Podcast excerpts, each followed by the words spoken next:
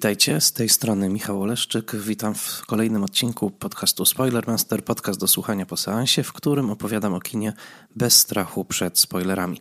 Zapraszam do słuchania odcinków po obejrzeniu filmu, ewentualnie przed, jeżeli nie boicie się spoilerów.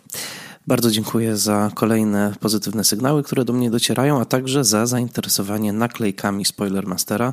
E, wciąż one są dostępne, więc zachęcam Was, tych, którzy chcieliby taką naklejkę otrzymać, do tego, żeby napisać na mój adres mailowy michal.oleszczykmałpa.gmail.com ze swoim adresem domowym, a ja nieodpłatnie wyślę Wam naklejkę z logiem podcastu i tylko z prośbą, żebyście następnie zrobili zdjęcie naklejonej naklejki i wrzucili ją do swoich mediów społecznościowych, linkując do mojego e, facebookowego fanpage'a. E, dzisiaj zapraszam Kolejny odcinek, w którym wracam do omawiania filmów bieżących. W zeszłym tygodniu zadebiutował cykl Spoiler Master Classic, w którym opowiadałem o Nocy Żywych Trupów, a tym razem już coś prosto z repertuaru. Otóż Aurora, dystrybutor, który wprowadza na nasze ekrany mnóstwo świetnych filmów, zasługuje na kolejne gratulacje, tym razem chyba podwójne, za wprowadzenie filmu synonimy e, filmu e, izraelskiego reżysera Nadawa Lapida, który zwyciężył w Berlinie, odbierając w lutym Złotego Niedźwiedzia za najlepszy film konkursu głównego. I wydawałoby się, że wprowadzanie na ekrany filmu, który odebrał tak istotną nagrodę nie wymaga szczególnej odwagi, ale w tym przypadku jest trochę inaczej. E, synonimy są filmem niesłychanie odważnym pod wieloma względami, także pod względem formalnym. Nie jest to film klasycznie opowiedziany i mam wrażenie, że może wielu widzów zdziwić, być może nawet odrzucić, więc dystrybucja tego konkretnego tytułu wymagała ze strony e, Aurory na pewno e, pewnej, pewnej odwagi i zawierzenia temu, że widzowie w Polsce na ten film się znajdą, a mam nadzieję, że się znajdą. Uważam, że jest to jeden z najlepszych filmów roku.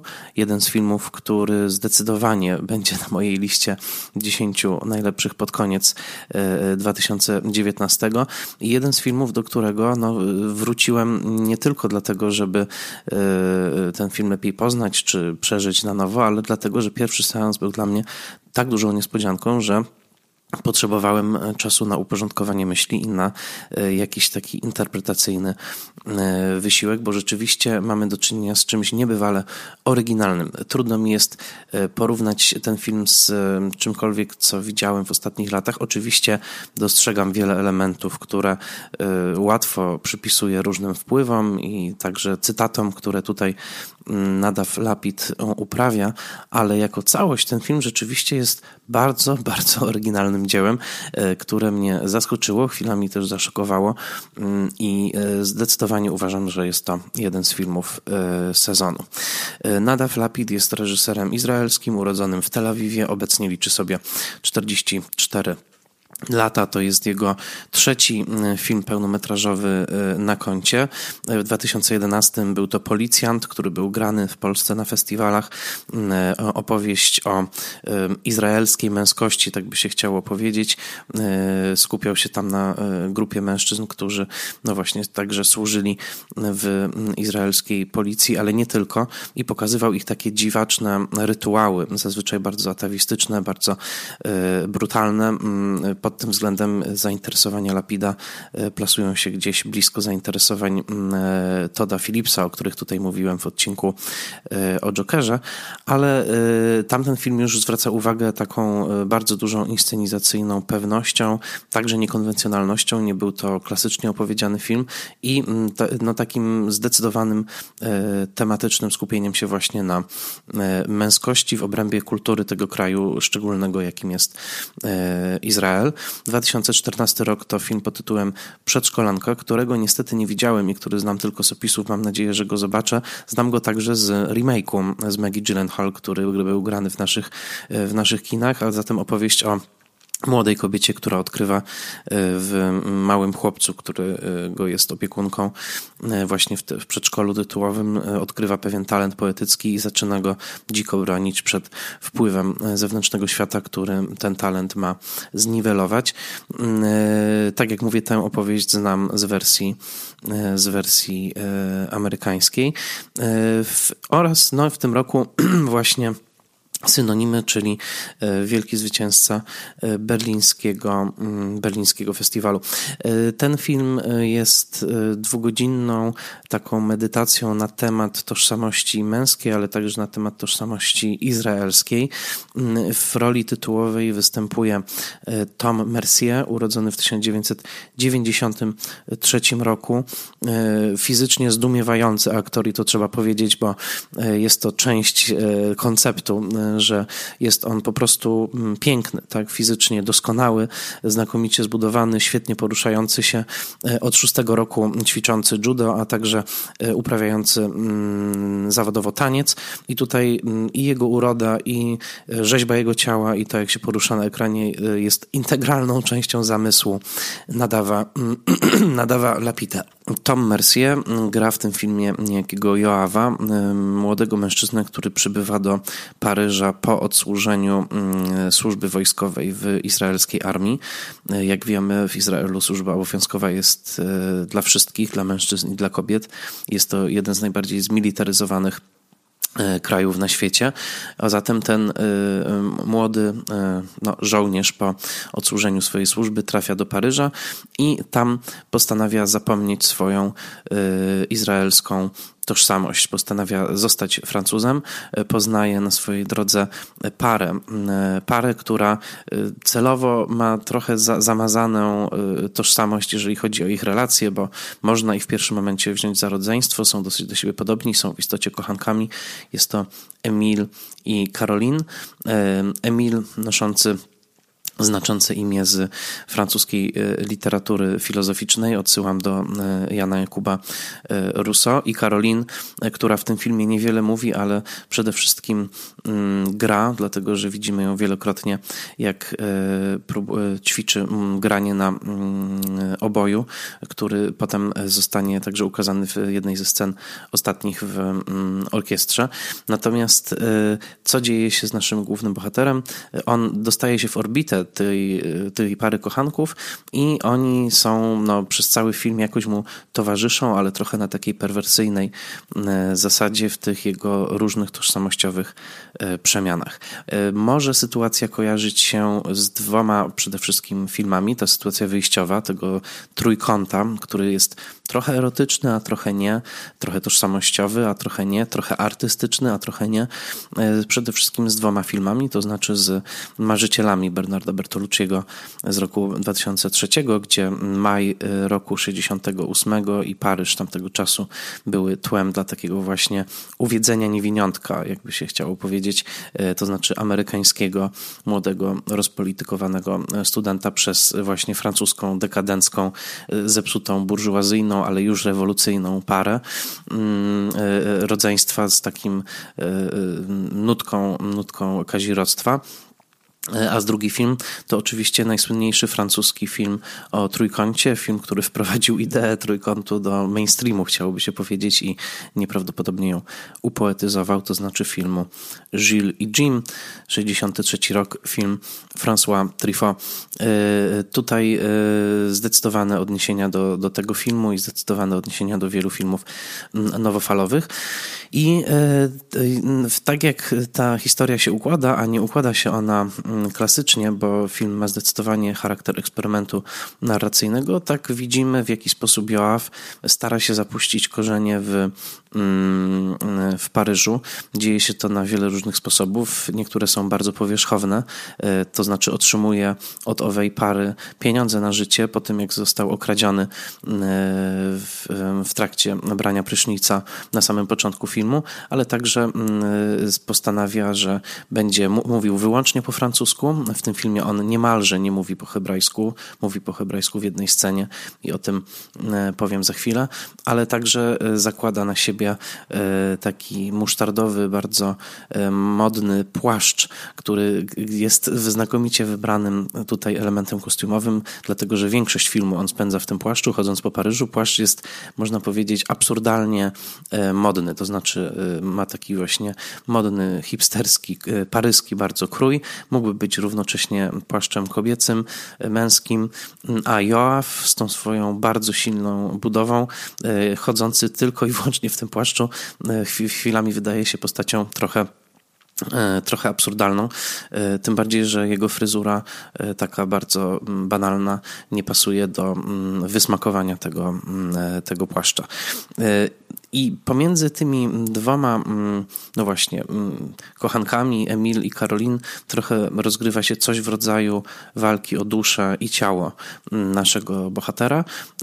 Jeżeli chodzi o ciało, to wygrywa Karolin, która pod koniec filmu wychodzi za E, Joawa, e, a jeżeli chodzi o duszę, to chyba wygrywa jednak Emil, dlatego że Emil, który jest e, poetą, pisarzem, właśnie pracuje nad swoją poetycką powieścią Noce udręki.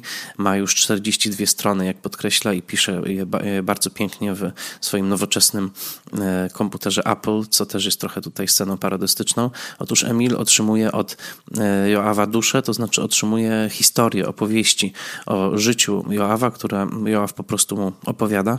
E, przede wszystkim są to historie dotyczące służby wojskowej, a zatem takiego doświadczenia hipermęskiego, którego no, kosmopolityczny hipsterski młodzieniec z Paryża nie posiada i w pewnym momencie Joaf mówi e, właśnie Emilowi, że możesz wykorzystywać te historie. One są już teraz twoje, ja ci je oddałem. On ich nie chce, dlatego że one przynależą do tej jego e, izraelskiej tożsamości, a tymczasem nasz bohater chce stać się właśnie e, Francuzem. Ilość kontekstów i takich symbolicznych także elementów w tym filmie jest ogromna i byłbym ciekaw, gdybyście też wskazywali na nie w komentarzach, bo ja na pewno nie wszystko dostrzegłem i o nie wszystkim będę mógł tutaj e, powiedzieć. E, jest ich rzeczywiście sporo. Mm, od takich elementów, które naznaczają Joawa trochę właśnie jako postać, chciałoby się powiedzieć prawie zwierzęcą, bo on tam w pewnym momencie określa siebie jako byka.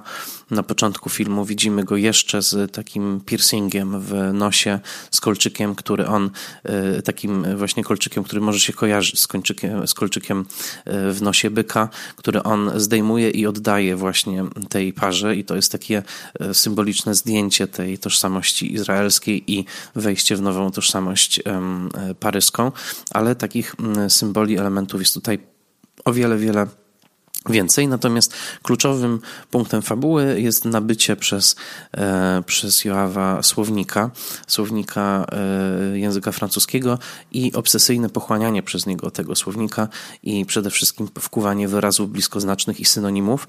E, najpierw przede wszystkim takich, które mogłyby w pełni wyrazić jego niechęć do Izraela. Te wszystkie negatywne synonimy, które pojawiają się na plakacie także filmu, odnoszą się właśnie do Izraela, którego on na tym etapie nienawidzi, mm, i, e, ale także do coraz lepszego mm, takiego rozgoszczenia się w języku francuskim i w tej nowej nowej tożsamości. Dodajmy, że Tom Mercier ma korzenie właśnie izraelsko-francuskie. Jego ojciec e, Michel był Francuzem, zresztą podobno słynnym w świecie fryzjerskim, e, a on e, także mieszkał kilka lat w Paryżu, co także jest doświadczeniem reżysera Nadawa Lapida, który po, służby, po odbyciu służby wojskowej, po trzech latach spędzonych w wojsku, jak sam mówi w wywiadach, czuł się tak psychicznie wyprany i miał taką niechęć właśnie do tego militarystycznego Izraela, że pojechał do Paryża i tam chciał zostać Francuzem. No i właściwie o tym jest, mm, o tym jest ten film.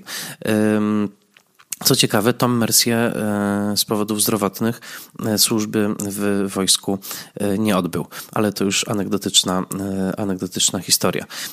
I był przede wszystkim, przede wszystkim tancerzem. Natomiast sam Nadav Lapid w wywiadzie, którego udzielił portalowi rogerebert.com, do którego zalinkuję do tego wywiadu w komentarzach, w opisie wideo na YouTubie. I tutaj dziękuję za tę sugestię użytkownikom, żeby tak robić. W tym wywiadzie Lapid powiedział o Mercierze, że w jego e, spokoju, tym takim powierzchownym, e, kryje się ukryta burza i rzeczywiście tę burzę e, Wielokrotnie on w tym filmie uwalnia. Tom Mercier jest aktorem, wykonawcą absolutnie nieustraszonym. To znaczy nie ma takiej granicy tabu, której on by nie przekroczył w synonimach i to jest część piorunującej siły i tej kreacji, ale także, ale także filmu. Kolejne konteksty, którymi możemy czytać postać e, Joawa, to między innymi na, na pewno Kandyd, to znaczy postać z filozoficznej powiastki Voltera. Kandyd, czyli postać wcielonego optymizmu, człowieka, który e, chodzi po świecie obserwuje go bardzo niewinnym okiem. E, I tutaj no, ta ilość spotkań różnych, jakie ma Joaw z bardzo różnymi postawami, ludźmi, właśnie od takiego mm, burżuazyjnego kosmopolityzmu tej, tych parę kochanków do e, agresywnego mm, wręcz nacjonalizmu i to z obydwu mm, stron, to znaczy ze strony izraelskiej, ale także ze strony neonazistowskiej we Francji, e, po takie twarde, tożsamościowe zagrania, jakie jego nowy kolega Jaron y, mu funduje, kiedy to mm, on wręcz szuka konfrontacji z mm, antysemitami w Paryżu, chodząc po paryskim metrze i nucąc hymn narodowy Izraela Hatikwa y, i szukając tego, tej okazji do bitki, że tak powiem. Y, to wszystko czyni z naszego bohatera właśnie trochę takiego kandyda, trochę naiwnego prostaczka, który w jednej ze scen dostaje pracę w ambasadzie Izraela i otwiera szlaban, żeby umożliwić wszystkim wejście do Izraela, którzy tylko chcą. E, e, ale także jest to e, figura po prostu poety, poety, który stara się zdobyć swój własny język i stara się rozpuścić swoją tożsamość w kraju, do którego przybył, co jest doświadczeniem stricte dwudziestowiecznym, emigracyjnym, bardzo żydowskim, także bardzo polskim. To, to poczucie wygnania, poczucie tego, że potrzebujemy zrzucić naszą narodową tożsamość i przybrać inną, jest czymś niebywale e, dobrze opisanym i obecnym w wielu e, dziełach kultury XX wieku. E, I no, tutaj, jeżeli chodzi o polskie konteksty, to zdecydowanie w tym filmie pobrzmiewałby i Konrad, ale także Gombrowicz, ten Gombrowicz w Argentynie i zmagający się z polskością. Wydaje mi się, że mógłby być też patronem tego filmu, jeżeli chodzi o zmagania się Joawa i Lapida, o czym mówi w wywiadach z jego izraelskością, żydowskością więc jest, tego, jest tych tropów tutaj rzeczywiście bardzo dużo, ale cały film ma ton, powiedziałbym, takiej eksperymentalnej bajki, to znaczy bajki o właśnie takim e, dużym, w pewnym sensie naiwnym e, mężczyźnie targanym bardzo sprzecznymi impulsami, który na swojej drodze spotyka ludzi o wiele bardziej zradykalizowanych od siebie i który też przyjmuje pewną rolę, bo on nie dość, że chce zostać Francuzem, to jeszcze chce zostać w pewnym sensie biednym Francuzem. Takim najbardziej upodlonym przez późny kapitalizm człowiekiem, który kupuje w najtańszym możliwym supermarkecie, sieciówce, kupuje najtańszy makaron, najtańszy sos pomidorowy, najtańszą kwaśną śmietanę i codziennie je tę samą potrawę przyrządzoną w tych samych proporcjach właśnie z tej śmietany, sosu i makaronu. Więc y, jest on y, takim, chciałbym się powiedzieć, prekariuszem z wyboru, który y, co prawda otrzymuje pieniądze od tej pary, ale chce żyć życiem jak najskromniejszym i odczuć, czym jest paryskość, czym jest francuskość na własnej skórze, mimo że Emil w pewnym momencie wskazuje mu na mityczną sekwanę i mówi: Zobacz, to tylko woda, e, więc nie ma w niej nic mistycznego. E, Joaw stoi naprzeciwko e, wielu mm, takich ikonicznych paryskich miejsc, na przykład naprzeciwko katedry Notre Dame. Swoją drogą wieża Eiffla nie jest w tym filmie bynajmniej zbyt obecna czy eksponowana, ale także Joaw jest bardzo zakorzeniony w kulturze europejskiej i to u samych jej źródeł, dlatego że ulubioną lekturą Joawa jest Iliada e, Homera, opowiadana mu jeszcze przez rodziców, w której sympatyzował on z Hektorem, czyli z e, tym pobitym przez Achillesa wojownikiem, co jest bardzo interesujące, o czym swoją drogą pisze w swoim świetnym artykule o tym filmie Jim Hoberman na łamach New York Review of Books, do tego też zalinkuję e, w opisie YouTube'owym, że e, fakt, że Lapid pokazuje młodego, silnego Izraelczyka, który sympatyzuje z postacią przegraną, e, tutaj cytuję Hobermana, może być znakiem takiej wypartej sympatii do Palestyńczyków, to znaczy do tych, którzy którzy obecnie są upokarzani z kolei ze strony izraelskiej, bo tutaj oczywiście wchodzimy na bardzo e, grząski grunt e, polityczny. Więc e, jest to tożsamość głęboko, głęboko skonfliktowana i bardzo interesujące jest to, że jakby ten świat, w który wchodzi mm, Joaf, jest światem zaczerpniętym z nowej, z nowej francuskiej fali, to znaczy z tej najbardziej takiej dynamicznej próby poszukiwania nowej tożsamości kina, ale także nowej tożsamości dla kinofila, jaką była francuska nowa fala, która stworzyła całą mitologię i kina, i pochłaniania kina, i definiowania siebie poprzez kino, zwłaszcza na przełomie lat 50. i 60. w takich filmach jak Do utraty tchu Godarda e, czy Hiroshima Moja Miłość. E, René. Tutaj można by powiedzieć, że dla Joawa Paryż jest tą e, miłością. E, odwołań do Godarda jest sporo. W opisie zalinkuję także do mini eseju, jaki zredagowano w Criterion Collection na podstawie wypowiedzi Lapida o filmie Męski-Żeński Godarda, ale także zwróćcie uwagę na taką scenę, kiedy migają światła w rozmowie Emila z Joawem, kiedy pojawia się także Karolin i kamera tak kilkakrotnie najeżdża na migającą lampę lampę. I powiem tyle, obejrzyjcie początek filmu Alphaville i w ogóle film Alphaville Godarda i zobaczycie, że to migające światło prosto w kamerę jest e, właśnie nawiązaniem do e, tamtego filmu, w którym swoją drogą kryzys języka też był bardzo dużym, e, bardzo dużym tematem. Mm, w pewnym sensie, y, o czym także mm, wspomniał któryś mm, z recenzentów, a może wręcz y, sam Lapid y, w jednym z wywiadów, tak, to powiedział Lapid, że Joaf staje się takim Żydem wiecznym tułaczem z wyboru. To znaczy, już po tym, jak Izrael jest faktem, po tym, jak ustalił swoją tożsamość tak mocno w powojennej historii wieku XX, Joaf z jakiegoś powodu potrzebuje znowu wejść w ten tryb właśnie Żyda wygnańca, Żyda, który musi szukać swojej tożsamości gdzie indziej, poza Izraelem. E, to kwestia zapominania języka ojczystego jest tutaj istotna, bo przypomnijmy, że wielu Żydów, którzy przyjeżdżali do Palestyny zakładać Izrael, e, celowo zapominało języka jidysz, to znaczy wypierali jidysz na rzecz hebrajskiego po to, żeby tę swoją nową tożsamość umocnić. Więc tutaj Joaf, który wypiera z siebie hebrajski po to, żeby stać się Francuzem, w pewnym sensie robi to samo, e, co robili jego e, dziadkowie. Dotykamy tutaj jednej z tajemnic żydowskiej tożsamości i jej wielkich rozdzierających dylematów. Właśnie takiego potrzeby z jednej strony zakorzenienia, z drugiej strony wynalezienia siebie na nowo, a z trzeciej zaznaczenia swojej odrębności. Więc e, tutaj jakkolwiek on może uczyć się francuskiego i mówić perfekcyjnie, e, to pierwszą rzeczą, jaką zauważają na jego temat Emily Karolin, jest to, że jest obrzezany i mówią to głośno, patrząc na jego nagie ciało, mówią, zobacz, jest obrzezany co przypomina też o takim jakby brutalnym, cielesnym znaku, jaki e, kultura żydowska zostawia na męskim ciele i e, który jest w XX wieku także przecież naznaczony jako mm, e, taki brutalny, rasowy klucz do eksterminacji w wielu tekstach i w wielu wydarzeniach holokaustowych. Czytamy właśnie o tym i także w antysemickich w antysemickiej retoryce właśnie ta kwestia tego, kto jest obrzezany, a kto nie, pojawia się często. Więc tutaj jest znaczące, że to rodzeństwo paryskie mówi o nim w pierwszym zdaniu, że zobacz, jest, y, jest obrzezany.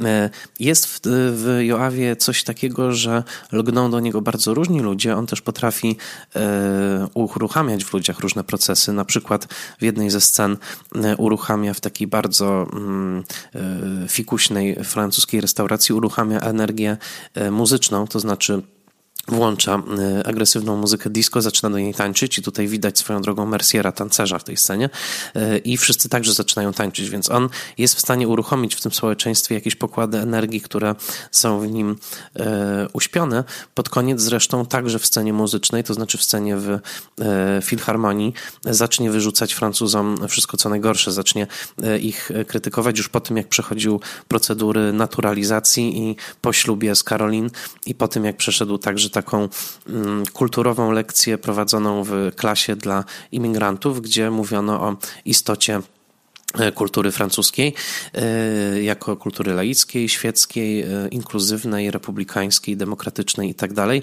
Pod koniec jednak Joaf wszystko, chciałby się powiedzieć, wyżyguje Francuzom, te wszystkie zarzuty wobec nich, a w ostatniej scenie jakoś pokornie wraca i ostatni obraz tego filmu to jest Joaf, który rzuca się całym ciałem od drzwi, chce wejść znowu do mieszkania Karolin i Emila, ale tym razem oni mu nie otwierają. I ten obraz tego ogromnego mężczyzny rzucającego się wielokrotnie i bardzo brutalnie od drzwi i odbijającego się od tej francuskiej gościnności, która przygarnęła go na początku, ale bardzo interesownie, jest ostatnim obrazem E, ostatnim obrazem e, tego filmu.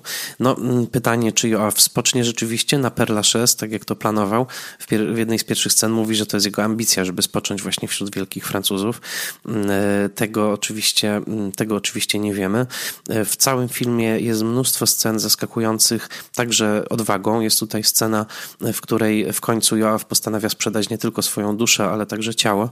Podaje ogłoszenie i trafia na sesję fotograficzną dla no, pornograficznej strony, w której jest tabletem filmowany przez reżysera, który mm, każe mu wić się nago na podłodze e, i, i e, gwałcić się palcem analnie, jednocześnie masturbując i krzycząc. I to jest jedyna scena, to jest bardzo odważna scena nakręcona w jednym ujęciu. E, tutaj muszę mm, powiedzieć, że świetne też nawiązanie jest w tej scenie do filmu Powiększenie e, Michelangelo Antonioniego, dlatego że jeżeli przypomnicie sobie tą scenę słynną z modelką Weruszką, w której równie przedmiotowo traktował modelkę David Hemmings e, jako foto e, właśnie artysta, to tutaj mamy jakieś takie dziwne, e, bardzo zimne i kwaśne przetworzenie tamtej już brutalnej sceny, e, a e, przede wszystkim, co najważniejsze, jest to paradoksalnie jedyna scena, w której Joaw zaczyna mówić po hebrajsku i, i jakby ta to, jego wyparta tożsamość właśnie w tej scenie całkowitego obnażenia, upokorzenia, ale także jakiejś dziwnej ekstazy do niego, do niego wraca. Są tutaj różne tropy homoerotyczne, między innymi w takiej cichej fascynacji Emila Joawem, być może na na, nawzajem. Gesty ich, dotyk, spojrzenia często wręcz każą myśleć, że za chwilę to się zmieni jak, w jakiś romans między nimi. Tak się nie dzieje, ale ta, ten temat właśnie fascynacji męskością na różne sposoby i tą brutalną, i tą piękną, i tą właśnie wyrażającą się w tańcu, ale także w języku, męskością poetycką jest w tym filmie bardzo silny. Ten film bardzo przywołał mi e, na myśl dwóch polskich reżyserów, e, Jerzego Skolimowskiego, e, który w tym swojej emigracyjnej właśnie twórczości na przełomie lat 60. i 70., ale także wcześniej w rysopisie tworzył właśnie takie postacie chodzące po mieście, chłonące język jak gąbki i przeżywające duże tożsamościowe rozdarcia, więc sugerowałbym taki double bill, podwójny seans rysopisu i synonimów, mogłoby być to ciekawe, ale także oczywiście Andrzeja Żuławskiego, którego bo można powiedzieć, tak histeryczna e, e, i taka tożsamościowa trzęsawka w filmach polsko-francuskich, który on też przecież był zawieszony między tymi dwoma językami i też bardzo chłonął e, świat poprzez filtr języka. Także bardzo mi go przypominała. I ciekawe, że synonimy wchodzą na ekrany e, wtedy, kiedy mowa ptaków Ksawerego Żyławskiego, mm, bo mm, parę osób już mnie pytało na Facebooku, czy będzie recenzja osobna mowy ptaków. Nie mam siły, żeby zmierzyć się z tym filmem. On mnie bardzo rozczarował i mam wrażenie, że e, no, mm, mo, może kiedyś jeszcze do niego wrócę, ale miałem wrażenie jakiejś takiej całkowitej porażki w mowie ptaków, jeżeli chodzi o poszukiwanie nowego języka do mówienia o polskiej rzeczywistości. Przede wszystkim dlatego, że czułem, że Ksawery Żuławski niedostatecznie krytycznie podszedł do tekstu swojego ojca, to znaczy e, właściwie obecność tej senior żuławszczyzny nie została przewalczona przez e, junior e, żuławszczyznę i zwłaszcza także jeżeli chodzi o podejście do postaci kobiecych, miałem wrażenie, że mm, następuje tutaj za duża kalka, to znaczy mm, mówiąc w dużym skrócie mm, Ksawery Żuławski filmujący, wijący się w histerycznych konwulsjach kobiety przed kamerą pracuje już trochę w innym kontekście, jeżeli chodzi o e, podejmowanie tematu e, kobiecości niż Żuławski w latach 70. czy 80. i czułem, że E, Żuławski junior po prostu nie, nie, nie poszedł wystarczająco daleko także w zanegowaniu samego siebie, jako właśnie tego mężczyzny trzymającego kamerę e, e, i która, który jednocześnie dzierży władzę, coś z czego jego ojciec korzystał nader swobodnie. Tymczasem właśnie w synonimach, i zobaczcie jak bardzo to jest różne, Nadaw Lapid czyni dokładnie to, to znaczy zaczyna kwestionować E, męskość jako taką, zadawać jej pytania, e, być wobec niej bezlitosny i on no jakby nie, nie obiera tutaj sobie najłatwiejszych celów, e, takich, które już wielokrotnie były opisywane, tylko rzeczywiście dokonuje operacji na żywym organizmie. W mowie ptaków, mimo całej jej, mm, całego jej rozedrgania, miałem poczucie, że jednak odbywa się to w pewnej bezpiecznej przestrzeni mm, takiego hołdu dla ojca, e, także zanurzenia się w język ojca i e, koniec końców film po prostu zmęczył mnie także tym, że w pewnym sensie nie, nie tłumaczył własnych założeń. To znaczy, nie wyobrażam sobie w ogóle, co może czuć oglądając ten film osoba, która nie widziała wcześniejszych filmów Andrzeja Żuławskiego i która nie wie, jaka tak naprawdę wojna się tutaj rozgrywa tożsamościowa między ojcem i synem, ten film po prostu nie ustala własnych reguł i, i, i w takim radosnym geście podąża e, tylko i wyłącznie za e, tymi językowymi zawijasami prozy Żuławskiego ojca, ale e, nie dba nawet o żadną chociażby podstawową strukturę, jakiś porządek, porządek myślenia. Tymczasem zobaczcie na synonimy. Film trzy razy bardziej szalony, a jednocześnie cztery razy bardziej przemyślany niż Mowa Ptaków, więc w tej w takiej wyobrażanym sporze między tymi filmami wskazywałbym właśnie na, e, na synonimy. Na synonimy, czyli film o Joawie, który w dzieciństwie, jak to opowiada, pomylił karabin ze skrzypcami. To ciekawe właśnie, że narzędzie zadawania śmierci i narzędzie uprawiania sztuki zostają tutaj przez tego małego Joawa e, pomylone i który e, w filmie ogląda sobie pocztówki z Napoleonem z jednej strony, czyli właśnie z wojownikiem i z Kurtem Cobainem, czyli artystą z drugiej, ale z Kurtem Cobainem, który jak wiemy popełnił samobójstwo, więc tutaj też ten autodestrukcyjny rys w filmie jest bardzo, e, bardzo e, istotny. E, co ciekawe, montażystką filmu była matka Nadawa Lapida, więc wyobraźcie sobie tę sytuację takiego obnażenia całkowitego i pracy jednocześnie artystycznej w rodzinie. To wszystko jest bardzo interesujące i myślę, że Lapid naprawdę zasługuje na nagrodę za najodważniejszy film e, tego sezonu. Natomiast teraz y, to jeszcze nie wszystko, co mam do powiedzenia do, o synonimach, y, ale pomyślałem sobie, że film tak bogaty w znaczenia i film także tak zanurzony w języku i w kwestiach poetyckich zasługuje na to, żebym y, zderzył się z wrażliwością innego widza i kogoś, kogo bardzo szanuję i kogo opinie są dla mnie zawsze niesłychanie interesujące, bo są przede wszystkim tak oryginalne. Osoby, która, której nigdy nie potrafię przewidzieć, czy coś się spodoba, czy nie, ale której argumentacji zawsze chcę usłyszeć usłyszeć. Jedna z najgłębszych e, osób, jakie e, poznałem w życiu i jednocześnie najżywszych intelektów i pomyślałem sobie, że taki właśnie intelekt na pewno e, w zderzeniu z wizją Lapida objaśni mi dużo kwestii, a tym bardziej, że jest to osoba, której wiedzy o poezji i literaturze mogę tylko i wyłącznie uchylić kapelusza. Gościem Spoilermastera już za chwilę będzie krytyczka literacka Karolina Felberg, którą serdecznie za chwilkę przywitam. I oto z nami jest zapowiadany gość, e, Karolina Felberg. Bardzo się cieszę, że dołączyłaś dzisiaj do rozmowy o synonimach. Witaj. Dzień dobry. Karolina, zacznijmy mm, niefilmowo. E, jesteś krytyczką literacką i niesłychanie cenię Twoje opinie. Zanim przejdziemy do tego filmu, który wiem, że obydwoje obejrzeliśmy dwukrotnie, jakoś starając się zbliżyć do jego znaczeń, chciałem Cię zapytać e, językowo, poetycko, e, po co nam synonimy? Jako, jako w ogóle słowa. Po co, po co one są? One są nie po coś, tylko one są z jakichś z powodu pewnych procesów. To znaczy się, y, y, to jest tak, że każdy, każda rzecz e, może, czy każdy stan może być przez nas odczuwany subiektywnie i wtedy szukamy alternatywnej nazwy, bo uważamy, że e, te, które są, nie oddają tego, co czujemy. A jest też tak, że czasami e, nie tyle nam chodzi o, o jakiś niuans, czyli na przykład o, o takie słowo, które by oddawało bardziej to, co przeżywamy, czy to, co widzimy, e, tylko, tylko chodzi nam na przykład o słowo, które mogłoby rywalizować ze słowem, które już jest. I te, jakby pochodzenie synonimów jest bardzo różne. To są wojny kulturowe. E, synonimy właśnie są efektem e, ścierania się języków, wojen językowych i tak dalej, wojen symbolicznych. mówię tu oczywiście w cudzysłowie słowo wojna, ale wiem o co chodzi, że, że każdy, kto uważa, że ma rację, próbuje ją przedstawić także w języku i, i sobie ten język jakoś zawładać zawłaszczyć i albo odświeżyć w tym języku tak znaczenia, żeby mu pasowały. Ale też bardzo często jest właśnie takich łagodniejszych e, stanów efektem.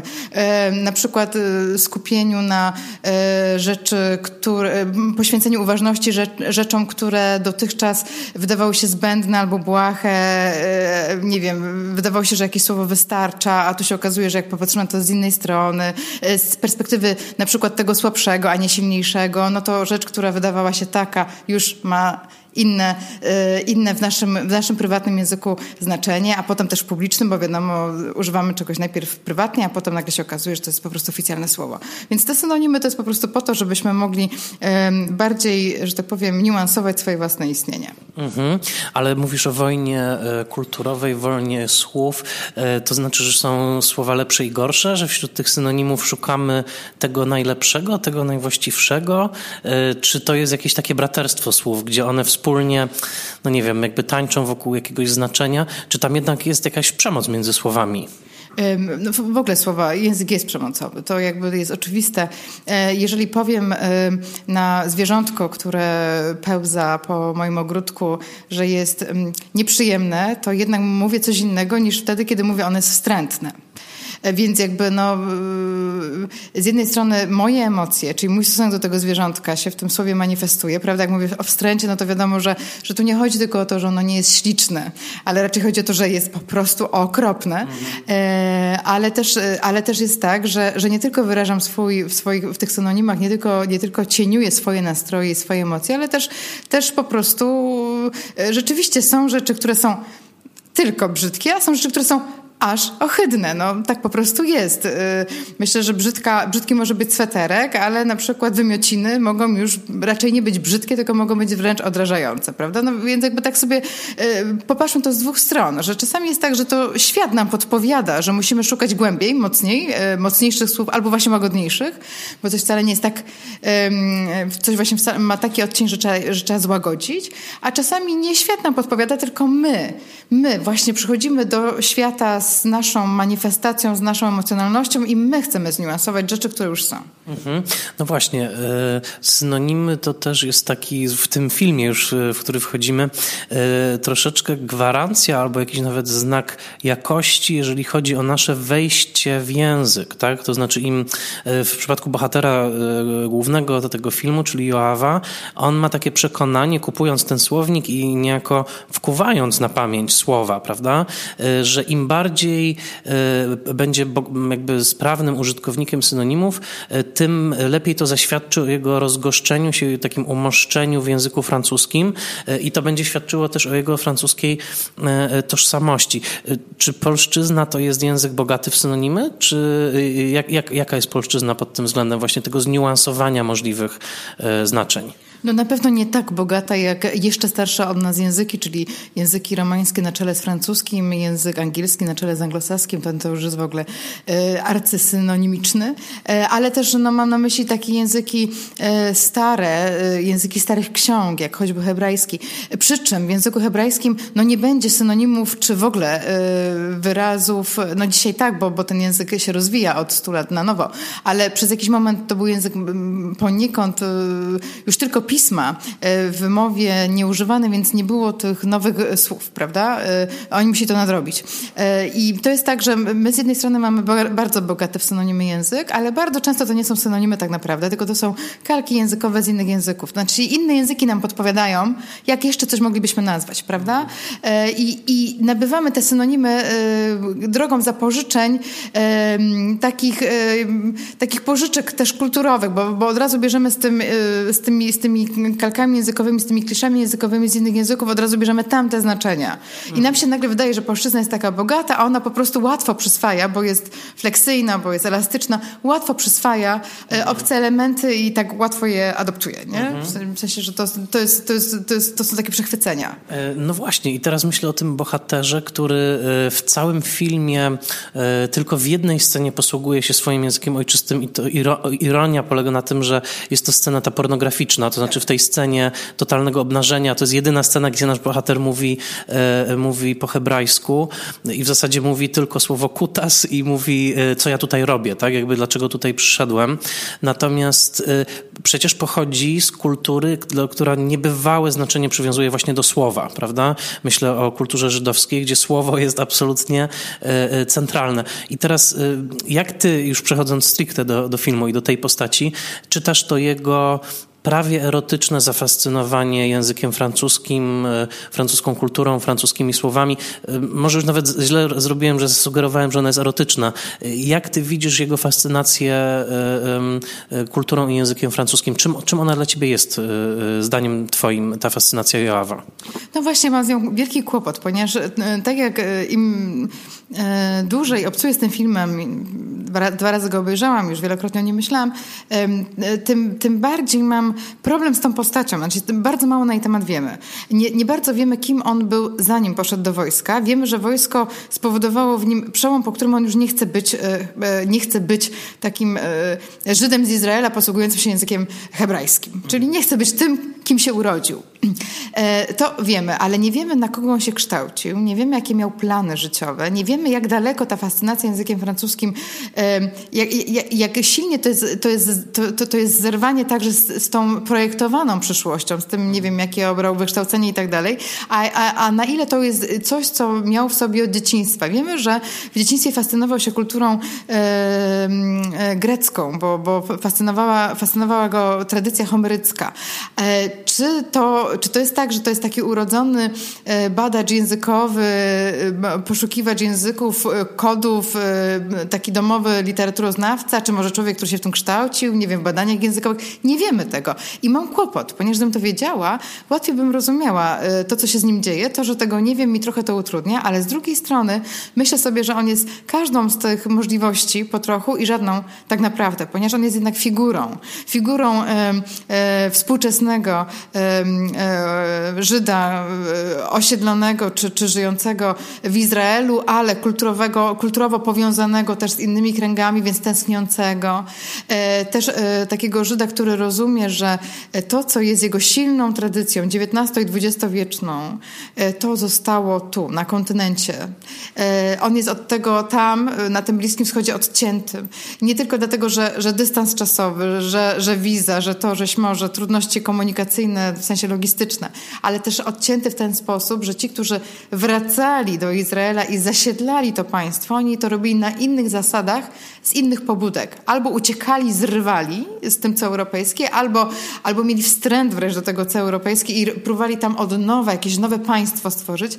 I zauważmy, że oni nie kontynuują swoich tradycji. To znaczy się filozofia europejska, francuska, niemiecka, nawet polska łatwiej, szybciej, mocniej sięga do myślicieli, także tych myślicieli związanych z filozofią języka XIX-XX-wiecznych, pochodzenia żydowskiego niż oni sami. Oni się poodcinali od swojego własnego zaplecza. Oni, oni są taką kulturą, która chce w XX wieku startować na nowo. Jak to jest trudne i jakie to jest rozczarowujące, no to właśnie on jest tego uosobieniem, nasz bohater. E, I, i też ten jego językowy problem wynika z tego, że on wie, że, y, że, że, że to, co mu jego kultura wmawiała, czyli to, że język hebrajski, a za tym idzie kultura księgi, którą on reprezentuje, no bo wiadomo z, z Tory, z, z tej tradycji biblijnej pochodzi, y, to wmawiano mu, że to jest jego kapitał. Że jak się ma to, to się ma wszystko. A on przyjeżdża do Francji laickiej, której jego kapitał jest niczym. E, co więcej, to jest człowiek, który świetnie mówi po francusku. No, ja bym chciała pierwszego dnia, e, pierwszego dnia emigracji znać tyle synonimów w jakimkolwiek języku.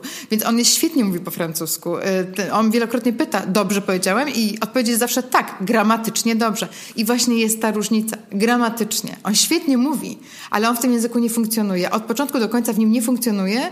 W finalnych scenach dowiadujemy się, że on nie zafunkcjonuje w tym języku. On się w nim nie rozpozna. To jest język dla niego egzotyczny od początku do końca, ale tylko chciałam jedną rzecz dokończyć, tak puentując tą moją wypowiedź w tym miejscu, że on też jest dowodem na to, że uczenie się języków, nawet od kołyski, bo on musi ten język e, dobrze znać. To na pewno, to wiemy, że on musiał go długo studiować to nie jest. Tak, to nie jest to, co nam się wmawia. To nie jest kapitał. To nie jest tak, że jak my pojedziemy z gotowym językiem gdzieś, mhm. to momentalnie jesteśmy częścią tego świata. Przeciwnie, im lepiej znamy czyjś język, tym bardziej wiemy, że nie jesteśmy częścią jego świata. Mhm. Tym lepiej rozumiemy swoje obcowanie. Jak nie znamy języka, możemy się łudzić, że to z powodu braku języka, ale jak znamy język, no to już wiemy, że nie. Aha. To, to, to, jest fascynujące, co mówisz, ale dla mnie jeszcze jedna rzecz tutaj zaistniała, to znaczy to, że z kolei ta młoda kultura Izraela e, w tej wersji właśnie powojennej e, dała temu bohaterowi coś, czego z kolei już nie mają jego koledzy, zwłaszcza mam tutaj na myśli chyba znacząco nazwanego Emila, tak, e, tego właśnie Francuza, bo to nas odsyła gdzieś tam do Rousseau, to znaczy doświadczenie bycia wojownikiem, tak, jeżeli myślę o kulturze francuskiej, jej takich głębokich korzeniach, gdzieś tam jeszcze w pieśni o Rolandzie, prawda, w tej całej tradycji rycerskiej, to te wzorce męskości bardzo, bardzo długo były zakorzenione właśnie w takich i pieśniach rycerskich, i w tym całym etosie, i e, właśnie w takim no, figurze mężczyzny wojownika. Natomiast e, no, różne dzieje te kultury, ale zwłaszcza mam wrażenie w XX wieku, e, no, całkowicie odcięły jakby tą francuską męskość właśnie od tych wzorców, prawda, takiej um, fizycznej krzepy, właśnie bycia tym Hektorem czy wojownikiem. Natomiast ten e, Joaf przyjeżdża do tej Francji i mówi wręcz temu Emilowi, że słucha, e, czyli poecie, tak, który jest tutaj e, pokazany prawie parodystycznie, prawda? Siedzi przed swoim komputerem Maciem i pisze te swoje 42 strony, jak mówi w pewnym momencie. I on mówi, słuchaj, możesz wziąć moje wszystkie historie. To Joaf mówi do Emila, tak? Czyli możesz wziąć moje historie o byciu żołnierzem, o tym i o tym i o tym i możesz to spożytkować. Czyli czy to jest tak, posługując się bardzo archaicznymi kategoriami, że oto z Izraela Izraela przyjechał prawdziwy mężczyzna, czyli właśnie Hektor, e, nie wiem, Roland, wojownik i jakby teraz nad tą sekwaną to ta siła jest jego jedynym kapitałem. Właśnie to, że on doświadczył jakoś tam otarł się o wojnę, czy o właśnie taką stereotypowo pojętą e, przemoc. No i przecież jego ciało w końcu zostaje wystawione na sprzedaż w momencie, kiedy jest sfilmowany do filmu pornograficznego, prawda? Ale to chyba byłby taki gorzki komentarz dotyczący tego, jakby e, po co męskość obecnie temu światu i tej kulturze francuskiej. Nie wiem, czy się zbytnie zamotałem. Jest jeszcze gorzej, albo jeszcze lepiej, zależy jak patrzeć.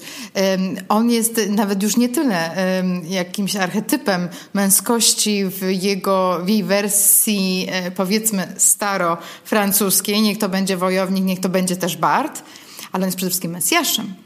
To jest kolejny Żyd, który przyjeżdża zbawić ten świat. Dlaczego? Dlatego, że to jest ziemia, ziemia jałowa. To są ludzie, którzy mają synonimy, się nimi nie posługują. Poeta nie mówi synonimami. Poeta się dziwi, że ktoś używa synonimów. Po co mu tam synonimy? E, e, co mówi najczęściej Emil? Słowo, które najczęściej się pojawia z jego ust, to słowo nuda. On jest wiecznie znudzony, ale on nie ma nic. A on mając wszystko, mając cały ten kapitał, mając to wszystko, nie ma kompletnie nic.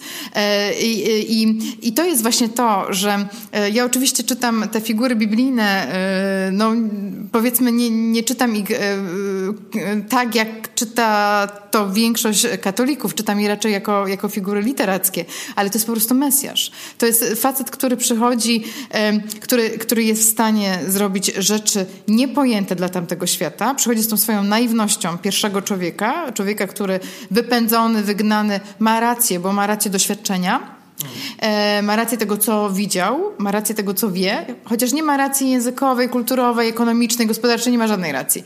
No ale Jezus też nie miał racji e, e, tego typu. E, I z tą swoją racją przychodzi i próbuje obudzić ten, ten świat. E, tak jak starotestamentowy świat był, był w swojej kulturze tak mocno zanurzony, że, że, że aż zaspany nią, prawda? Że jakby już tylko, tylko się odnosił sam do siebie. Tak ten świat odnoszący się sam do siebie, próbuje obudzić. E, oczywiście co się dzieje z kimś, kto próbuje obudzić? No i jest pierwszym wrogiem tego świata, prawda? No wiadomo, że albo w najlepszym, w najlepszym razie wariat, w najgorszym wręcz samozwańczy król, którego należy po prostu stąd usunąć, bo on jest po prostu, on nam zagraża, no, zagraża naszemu ładowi. No. I też to widać w tej scenie, w której on właśnie po mesjańsku otwiera granice, prawda? W tej scenie w ambasadzie, gdzie on podnosi szlaban i właśnie mówi, że teraz granicy nie będzie. Co więcej, w tym momencie samo niebo go każe, bo spada deszcz, albo jest to z kolei taki sygnał cudu, prawda? Że tutaj tak. rzeczywiście coś się dokonuje. Tak, tak, tak. On jeszcze też ma... Tak, to, te, to można by było śledzić pod tym kątem, yy, czy, czy on jest Jezusem i, i, i w którym miejscu jest Jezusem. Można było cały film śledzić, ponieważ to wszystko, co tam się dzieje, jest znaczące. Znaczy, Jezus też e, pochodził z, też, też był odnowicielem języka. Też był, on, on nie chciał mówić tym starym paradygmatem, który, no, który był starotestamentowym przymierzem z Bogiem, które już jakby się, już jakby było jałowe. Próbował uczynić na nowo ten świat, jakby też w języku, próbował odnowić te znaczenia, próbował przede wszystkim mówić do innych ludzi, nie do tych, którzy studiują pismo, tylko do tych, którzy nic nie mają i tak dalej. I jakby ten, ten tutaj bohater też przychodzi i też właśnie e, krąg jego, niby, jakby on jest zły na tę kulturę, e, powiedzmy, mieszczańską, on jest przeciwko niej, on, on się raczej e, w tych swoich poszukiwaniach, dążeniach gdzieś tak brata z takimi wykolejeńcami, właściwie e, jakie oni mają tak naprawdę pobudki, racji nie wiadomo, właściwie szlachetne, ale nie do końca. Wiemy, że chcą zmienić świat, wiemy, że chcą na pewno zmienić oblicze tego świata, że, że no ale, ale do końca nie, to wszystko jest niejednoznaczne i jakby nie wiadomo na ile oni są, e, są takimi burzycielami starego, a na ile są nową ofertą. To, to, tego nie wiadomo. Mhm. No i oczywiście bardzo też oryginalne ujęcie w tym filmie tematu e, antysemityzmu, tak? Dlatego, że ten, e, zwłaszcza ta scena z tym kolegą mm, Jorawem, kiedy oni krążą po metrze, prawda? I Joraw prowokuje, zresztą wcześniej prowokował też w scenie w barze, prawda?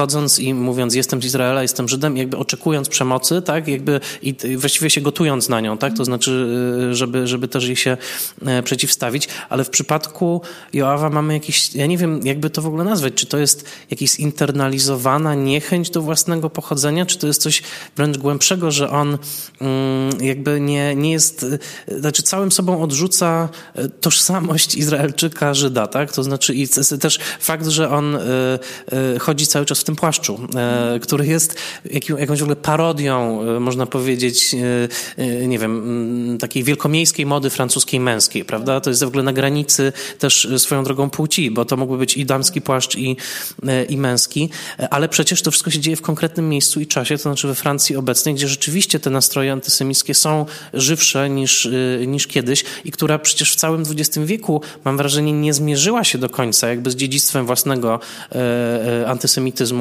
e, w kulturze. Mhm. No tam jest jeszcze taka sytuacja chyba z początkowych partii tego e, filmu, e, w momencie, kiedy on, że, że on wchodzi do, nie ma nic, ma, ma tylko plecak, wchodzi do nie swojego domu, czyli zaczyna od nowa, ale nawet nie jako gość, tylko jako taki trochę natręt. Momentalnie płaci za to cenę, czyli traci nawet to nic, które sobą miał, czyli to, to, to co miał na sobie i ze sobą, czyli plecaczek i ubrania. I on potrzebuje być uratowany. On by nie poradził sobie bez tych Francuzów, którzy go ratują, bez, bez dwójki przyjaciół, e, którzy mu towarzyszą przez cały film. I mi się, mi się wydaje, że do twojego pytania oni są kluczem. Znaczy miara ich, in, e, miara ich postawy wobec niego to jest miara postawy współczesnych Francuzów wobec e, współczesnego obywatela izraelskiego albo w ogóle e, przybysza z południa. E, oni są nim zafascynowani ale oni tej relacji nie biorą na serio. Oni się trochę nim bawią, nawet to, że mu pomagają, to jest bardziej efekt tego, że oni są znudzeni swoim życiem, więc może pomożemy, proszę bardzo. Tutaj tak bardzo nie mamy co robić, że możemy nawet mu pomóc, ale to nie jest wszystko głębokie i na poważne. Jakby, e, e, rozumiesz, co mi chodzi? Oni mu ratują życiem, ale ich motywacje są tak słabe, mhm. że, że od początku do końca raczej im nie wierzymy. Tym bardziej, że pierwsze, co zauważają, to to, że on jest obrzezany, prawda? No to jest jakby pierwsze tak, dostrzeżenie tej różnicy. Tak, i właśnie mi się wydaje, że, że dokładnie taki jest stosunek powsz taki powszechny e, Francuzów do, do obcych, jak, jak, jak ich do niego. Czyli, czyli y, egzotyzacja bardzo silna, bardzo silna egzotyzacja. Erotyzacja. E, erotyzacja oczywiście. E, taki też trochę wyzysk kulturowy. No taka, no, umówmy się, to jest po prostu kolonializm, tylko że w innej postaci.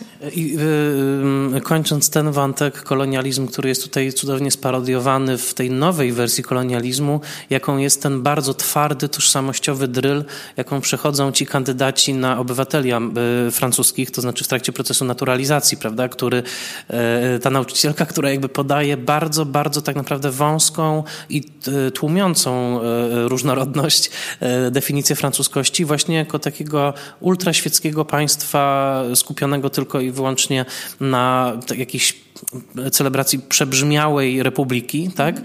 I, i te, ta, ta scena lekcji wydała mi się świetna. To, to jest coś, co moim zdaniem się nie udało w filmie Mowa Ptaków, który też był niedawno na ekranach Ksawerego Żuławskiego, gdzie mieliśmy podobne sceny właśnie szkolne, tak? Takiego jakby kuźni tożsamości narodowej, tylko w takiej wersji, no powiedziałbym, zwulgaryzowanego Gombrowicza w przypadku Żuławskiego.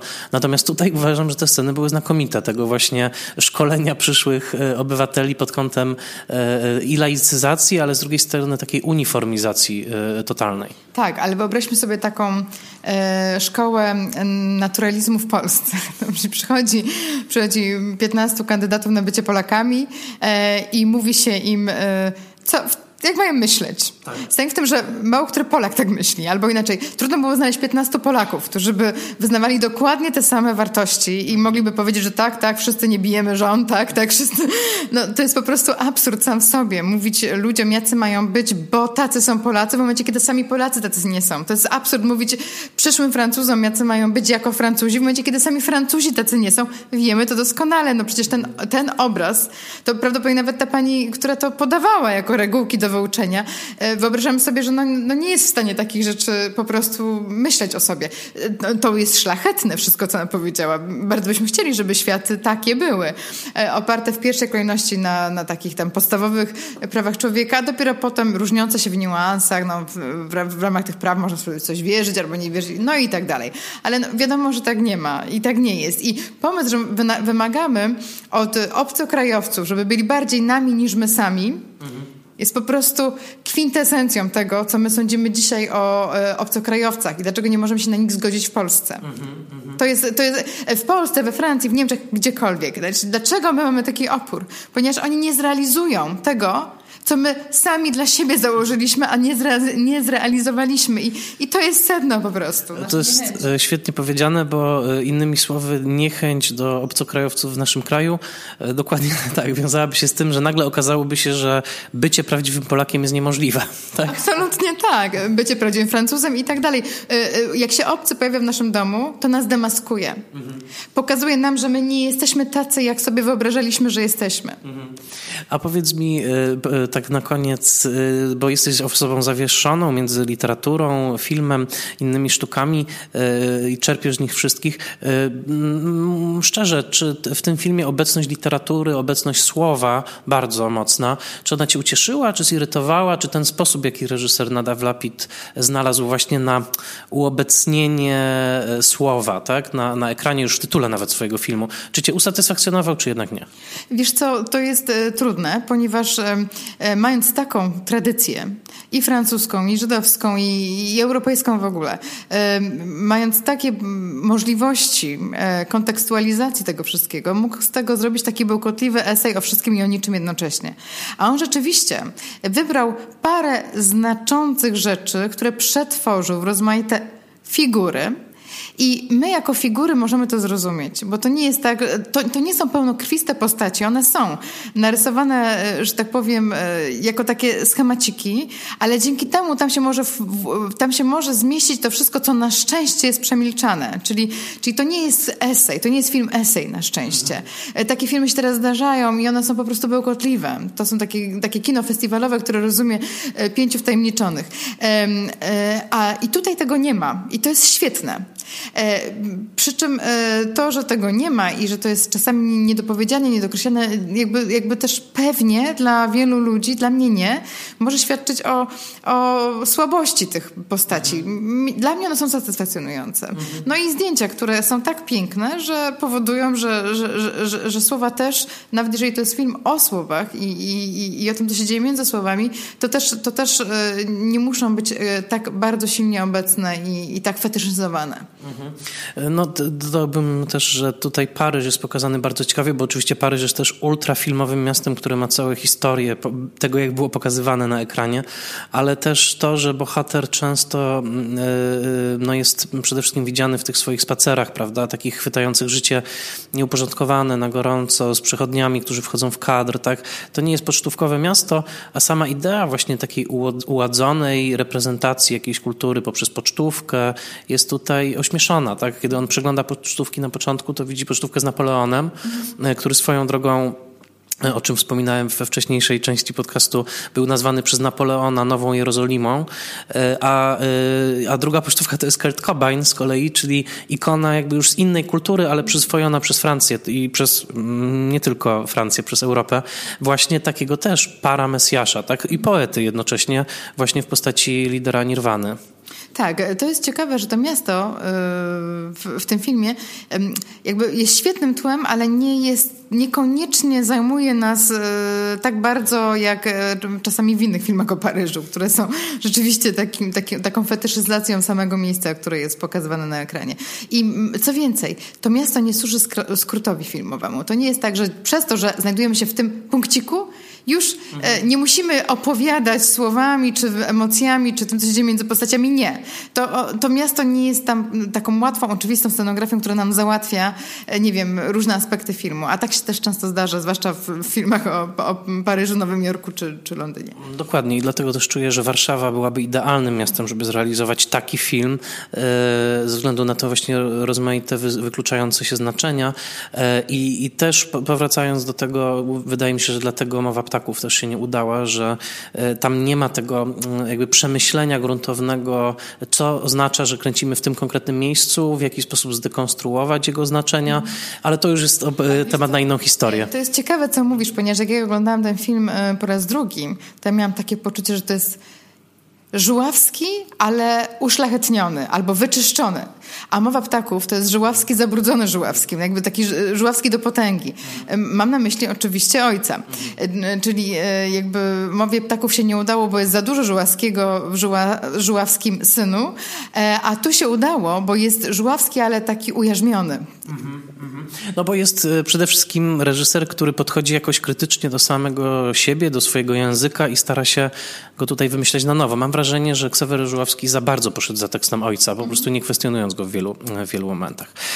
E, bardzo Ci dziękuję. Bardzo było przyjemnie porozmawiać o tym filmie i mam nadzieję, że będziesz jeszcze wpadać e, do mojego podcastu. Do usłyszenia. Dziękuję. I to tyle w tym odcinku. Bardzo Wam dziękuję. Bardzo dziękuję raz jeszcze Karolinie za to, że zgodziła się być gościem Spoilermastera. Was bardzo zachęcam do zostawiania komentarzy pod tym e, wideo w wersji YouTube'owej, ale także do odwiedzania fanpage'a Spoilermaster Podcast do słuchania po seansie i do polecania go e, znajomym. Wszystkich zainteresowanych naklejkami Spoilermastera zapraszam do przesłania mi swojego adresu domowego na michal.oleszczyk.gmail.com a my usłyszymy się już za tydzień w kolejnym odcinku Spoiler Mastera. Bardzo dziękuję i do usłyszenia.